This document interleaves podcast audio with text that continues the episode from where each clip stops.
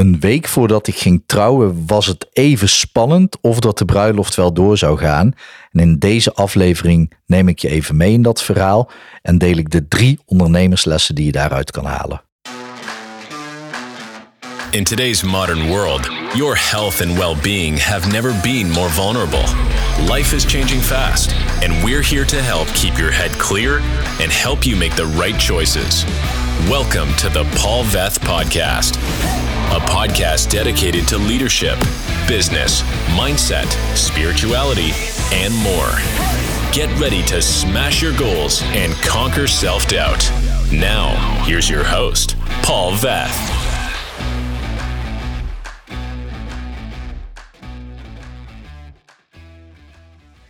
Een week voor mijn bruiloft werd het even heel erg spannend. Bianca, die was naar een vrijgezellenfeest geweest op zondag.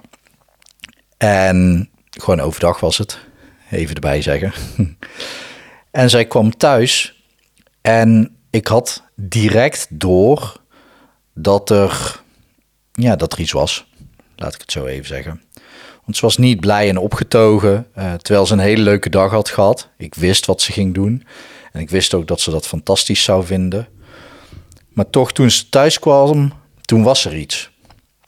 En ze zei ook meteen: Ik heb even tijd alleen nodig. En ze keek gewoon verdrietig. Dus zij nam tijd alleen en anderhalf uur later gingen we samen naar bed. En ja, er was iets. Dus ik dacht: Ja, ik vind het wel fijn om te weten wat er dan is. En ze wilde eigenlijk even tijd voor zichzelf om het uit te zoeken. Maar het was natuurlijk ook gewoon een beetje gek om dan samen met je man in bed te liggen en dan daar niks over te delen. Of in dat geval was ik natuurlijk nog niet haar man. Dus dan weet je in ieder geval al dat het goed is gekomen. Maar toch, op wat voor manier dan, hè? Een cliffhanger. Dus ze vertelde mij dat een vriendin van haar, een van haar beste vriendinnen, haar had gewezen op een eigenschap van mij. En die eigenschap van mij, die herkende ze in een ex van Bianca. En die eigenschap, dat wist die vriendin van haar, die vond Bianca niet zo tof bij haar ex. Maar Bianca was daar wel van geschrokken, want die dacht: heb ik dat dan gemist? Heb ik het verkeerd gezien? Ben ik blind? Liefde maakt blind. Speelt dat? Dus dat vertelde ze aan mij en dat was dus voordat we gingen slapen. En het is niet zo'n fijne nacht geweest in de zin van ik heb niet goed geslapen. Het was onrustig. Ik probeerde het wel naast me neer te leggen, want ze had gewoon aangegeven, ik moet dat voor mezelf uitzoeken. Nou, dag erna hebben we ook samen afgesproken dat zij even tijd voor zichzelf zou nemen. Hoeveel tijd ze nodig had, wist ik niet. Ze had in principe de hele dag. Om voor zichzelf te bepalen van oké, hoe zit dit? En ik bleef achter, thuis, alleen, op de bank. En waarom het zo was, weet ik niet. Maar die dag had ik geen sessie staan, ook geen andere afspraken staan. Dus ik zat inderdaad thuis alleen op de bank. Met alleen maar de gedachte: oh jee, sowieso die eigenschap, die me noemden ze wel. Ik wilde het een beetje in het midden laten. Dus ik kon erover nadenken, over oké, speelt dat? Ik denk, ja, die eigenschap die kent ze van mij. Daar hebben we het zelfs wel eens over gehad. Maar in hoeverre zou dat nu dan een probleem zijn? Nou ja, mijn gedachten gingen natuurlijk ermee aan de haal. Ik ging van alles bedenken. En er kwamen allerlei angsten in mijn hoofd op. En toen riep ik mezelf even tot de orde. Want dankzij een hele hoop uh, persoonlijke ontwikkeling, mindfulness, maar ook gewoon echt oefeningen, zelfhypnose, heb ik geleerd om niet mee te gaan in de gedachten. Lukt natuurlijk niet altijd en direct. Ik ben ook niet een of ander ontwaakt en verlicht persoon. Maar dat kan ik wel. Ik kan wel zien, oké, dit zijn gedachten. Ik ben niet mijn gedachten. Die laat ik gewoon voorbij gaan. Want ja, het heeft geen nut om erin meegezogen te worden. Want elk verhaal wat ik dacht was toch niet waar. Het zou nooit volledig waar zijn. Dus dat had gewoon geen nut. Dus ik kon afstand nemen van die gedachten. En bij mezelf gaan opmerken van... hé, hey, wat speelt er zich nou af in mij? En opeens begon ik te te shaken. Ik zat op de bank en ik begon te rillen. En ik weet dat dat een indicatie kan zijn van het feit dat er een trauma werd aangeraakt. En ik heb zelfhypnose technieken waarbij ik mezelf in regressie kan brengen. Ik kan teruggaan naar daar waar het is ontstaan en het ook daar oplossen. Dus ik dacht, nou laat ik dat maar doen, nu ik hier toch zit. Ik kon ook niks. Hè. Ik, ja, ik kon haar natuurlijk wel bellen of appen of haar gaan zoeken. Maar ja, ik denk dat jij en ik wel weten dat dat nooit het beste is om achter een persoon aan te rennen. In mijn geval als man achter een vrouw aan gaan rennen, terwijl zij zelf zegt dat ze tijd en ruimte voor zichzelf nodig heeft. En dat is al moeilijk genoeg, hè?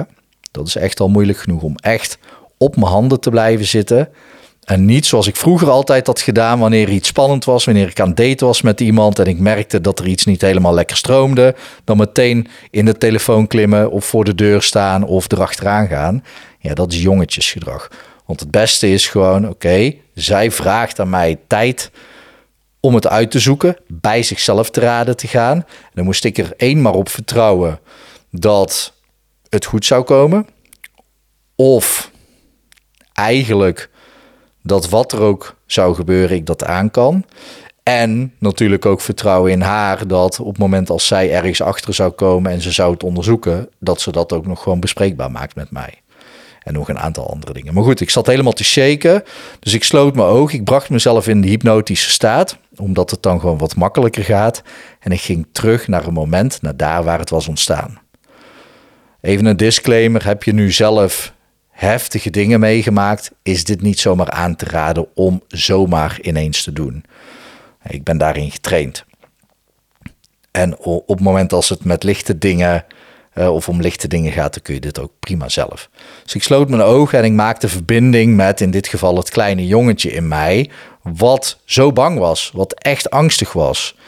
En in dit geval was het een jongetje wat zo angstig was, wat eigenlijk weg wilde kruipen en weg wilde rennen. Gewoon weg, weg, weg, weg.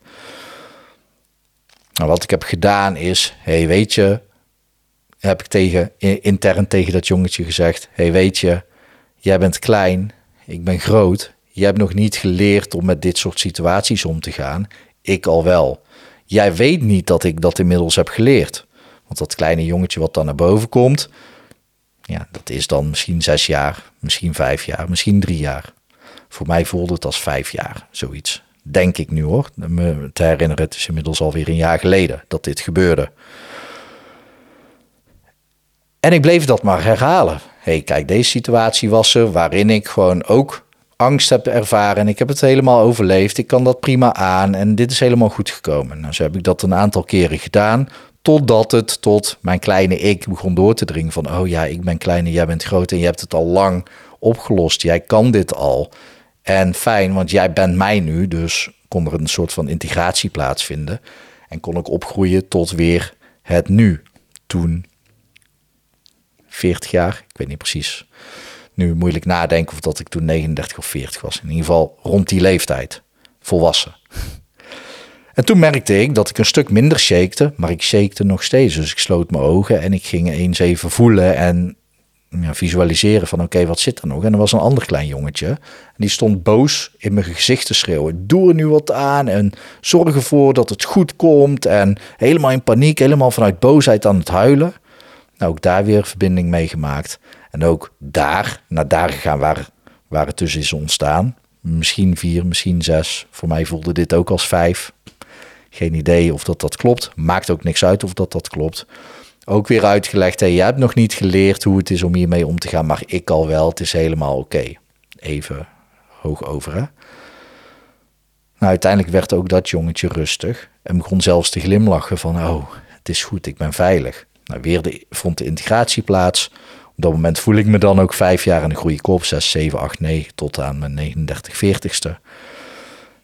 En het hele shaken was weg. En ik voelde ook een, een lichtheid in mijn systeem. En ik weet dat dat een indicatie is dat er een trauma is opgelost. In dit geval twee trauma's. Dus ja, het was heel erg spannend op dat moment. En ja, ik ben super dankbaar voor dat moment, want daardoor zijn die twee trauma's wel naar boven gekomen en heb ik ze ter plekke op kunnen lossen. Is logisch dat ik daar dankbaar voor ben. Nou, niet lang daarna kwam Bianca thuis en het bleek helemaal goed. Ze zei: Ja, ik heb dat wel bij je gezien, maar dat is heel anders dan bij mijn ex. En nou, de exacte woorden weet ik oprecht niet meer, maar het was goed en het was helemaal oké. En we zijn gaan trouwen. Dus stop, we zijn getrouwd. En dit was even een test van het leven of van wat dan ook. Om toch te kijken van oké, klopt het wel helemaal? En ja, we zijn snel gegaan, want exact een jaar nadat we elkaar hebben leren kennen, zijn we getrouwd. Uh, zelfs een paar dagen eerder nog. Alleen het feest voor, voor vrienden en familie was exact een jaar later. Dus ja, we gingen snel en dan is zo'n test toch wel heel erg helpend geweest uiteindelijk. Die vriendin ben ik over super dankbaar, want ik heb daardoor twee trauma's op weten te lossen. En we wisten nog zekerder dat we bij elkaar hoorden. Ik geloof oprecht ook dat doordat we dat hebben meegemaakt, dat de liefde tussen mij en Bianca nog meer is verdiept. Dat we het als nog specialer en nog dieper hebben kunnen ervaren. Het is al heel bijzonder en dat was het al. En daardoor misschien wel nog meer. Omdat het toch iets is wat je samen doorleeft en waar je samen, waar wij, zij en ik, samen goed doorheen zijn gekomen. Dus echt fantastisch. En een week later zijn we getrouwd en we zeiden allebei ja, dus dat, uh, dat is top. En ik wil dit toch ook met je delen, want er zit ook een aantal ondernemerslessen in. Maar vooral ook om een persoonlijk verhaal te delen. En dat het, uh, soms denken mensen dat voor, van mensen die op YouTube of Instagram, Facebook, LinkedIn, TikTok, X, Twitter uh, te vinden zijn, dat dat altijd al alleen maar van een leien dakje gaat. Ja, ik maak ook spannende dingen mee en ik moet ook mijn mindset gebruiken om daarmee om te gaan. En wat ik al zei, tien jaar geleden zou ik achter haar aan zijn gerend en zou ik het helemaal kapot hebben gemaakt. Daardoor dat ik er totaal geen ruimte zou geven. Dat is vanuit angst, dat is vanuit jongetjes energie. Gewoon maar vastklampen van nee, ga niet bij me weg. Nou ja, dat is niet echt aantrekkelijk als man zijnde. Sowieso als persoon zijnde is dat niet heel erg aantrekkelijk. Uh, ondernemersles. Nu kon ik op dat moment alleen maar naar mezelf kijken in de spiegel. En zeggen: Oké, ik heb het afgelopen jaar aan Bianca en mij en onze relatie heb ik alles gegeven. Ja, ik kon natuurlijk kijken wat had ik beter kunnen doen. Wat heb ik laten liggen? Wat heb ik goed gedaan? Kan ik allemaal naar kijken. Alleen nu ging Bianca dat doen. Die ging heel dit jaar terugkijken en ik kon alleen maar op mijn handen blijven zitten. Dus ik kon alleen maar in de spiegel kijken en zeggen: Oké, dit is het. Dit is wat ik heb geboden. Dit is wat ik heb gegeven. En het is aan haar om te zeggen: Het is goed genoeg, ja of nee. Heeft ze alle recht toe, hè? In andere situaties ligt dat anders, maar nu heeft ze alle recht, want zij moest ja zeggen tegen mij om met mij te willen trouwen. Dit geldt voor jou als ondernemer ook. Denk, maar, denk er maar eens aan. Oké, over een jaar vanaf nu. Dan kijk jij terug op dit hele jaar. En iemand gaat dan jou op een weegschaal leggen. Die gaat alles wat je hebt gedaan voor je business, in je leven, op een weegschaal leggen. En jou aankijken en zeggen: Oké, ja of nee. Ja, je hebt het goed genoeg gedaan. Of nee, je hebt het niet goed genoeg gedaan. En dan is de vraag: welke acties zou jij vanaf vandaag ondernemen? Wat zou jij vanaf vandaag doen? Welke persoon zou jij vanaf vandaag zijn als je weet over een jaar kijk je terug en dan word jij gewogen? Dat is heel anders als, dan wanneer je daar niet bij stilstaat. Dus aan jou de vraag, oké, stel je voor, over een jaar word jij gewogen, wordt jouw hele jaar gewogen. Wat heb je dan gedaan? Zet desnoods even dit eh, op pauze, deze video of podcast waar je het ook beluistert. Zet even op pauze. Wat heb jij wel gedaan? Wat heb je niet gedaan? Wat heb je gelaten? Welke prijs heb je betaald? Welke persoon ben je geweest? Welke keuzes heb je gemaakt? Welke acties heb je ondernomen? En over een jaar, als je dan terugkijkt, wat is er dan voor nodig geweest om dan in de spiegel te kunnen kijken en zeggen: Ja, ik zou nu met mezelf trouwen? Andere ondernemersles. Mijn initiële reactie was op het moment dat ik wist: het zit niet goed was eigenlijk om aan haar te gaan hangen. Om wel dus te zeggen: oké, wat is er? Ik wil het oplossen. En als ondernemer is het heel slim om altijd even een moment te pakken om die initiële reactie, je initiële emotie, even te reguleren. Even aan de kant te zetten en dan na te denken, rustig, vanuit een punt van focus, helderheid en rust om te kijken welke actie is nu op dit moment slim om te doen. Wat zou ik nu moeten doen ten opzichte van wat je zou willen doen? Ook als je bijvoorbeeld een team aanstuurt en jouw team heeft het verkloot. En je komt daarachter. Ja, dan kan het natuurlijk zijn dat jij ineens vanuit woede wil reageren. En ik zeg niet dat woede niet goed is bij leidinggevenden. Dat zeg ik helemaal niet. Alleen als je het functioneel inzet. Dus op het moment als jij in die week erna een meeting organiseert en daarin laat jij zien dat je boosheid ervaart rondom iets, dan kan dat heel erg functioneel ingezet worden.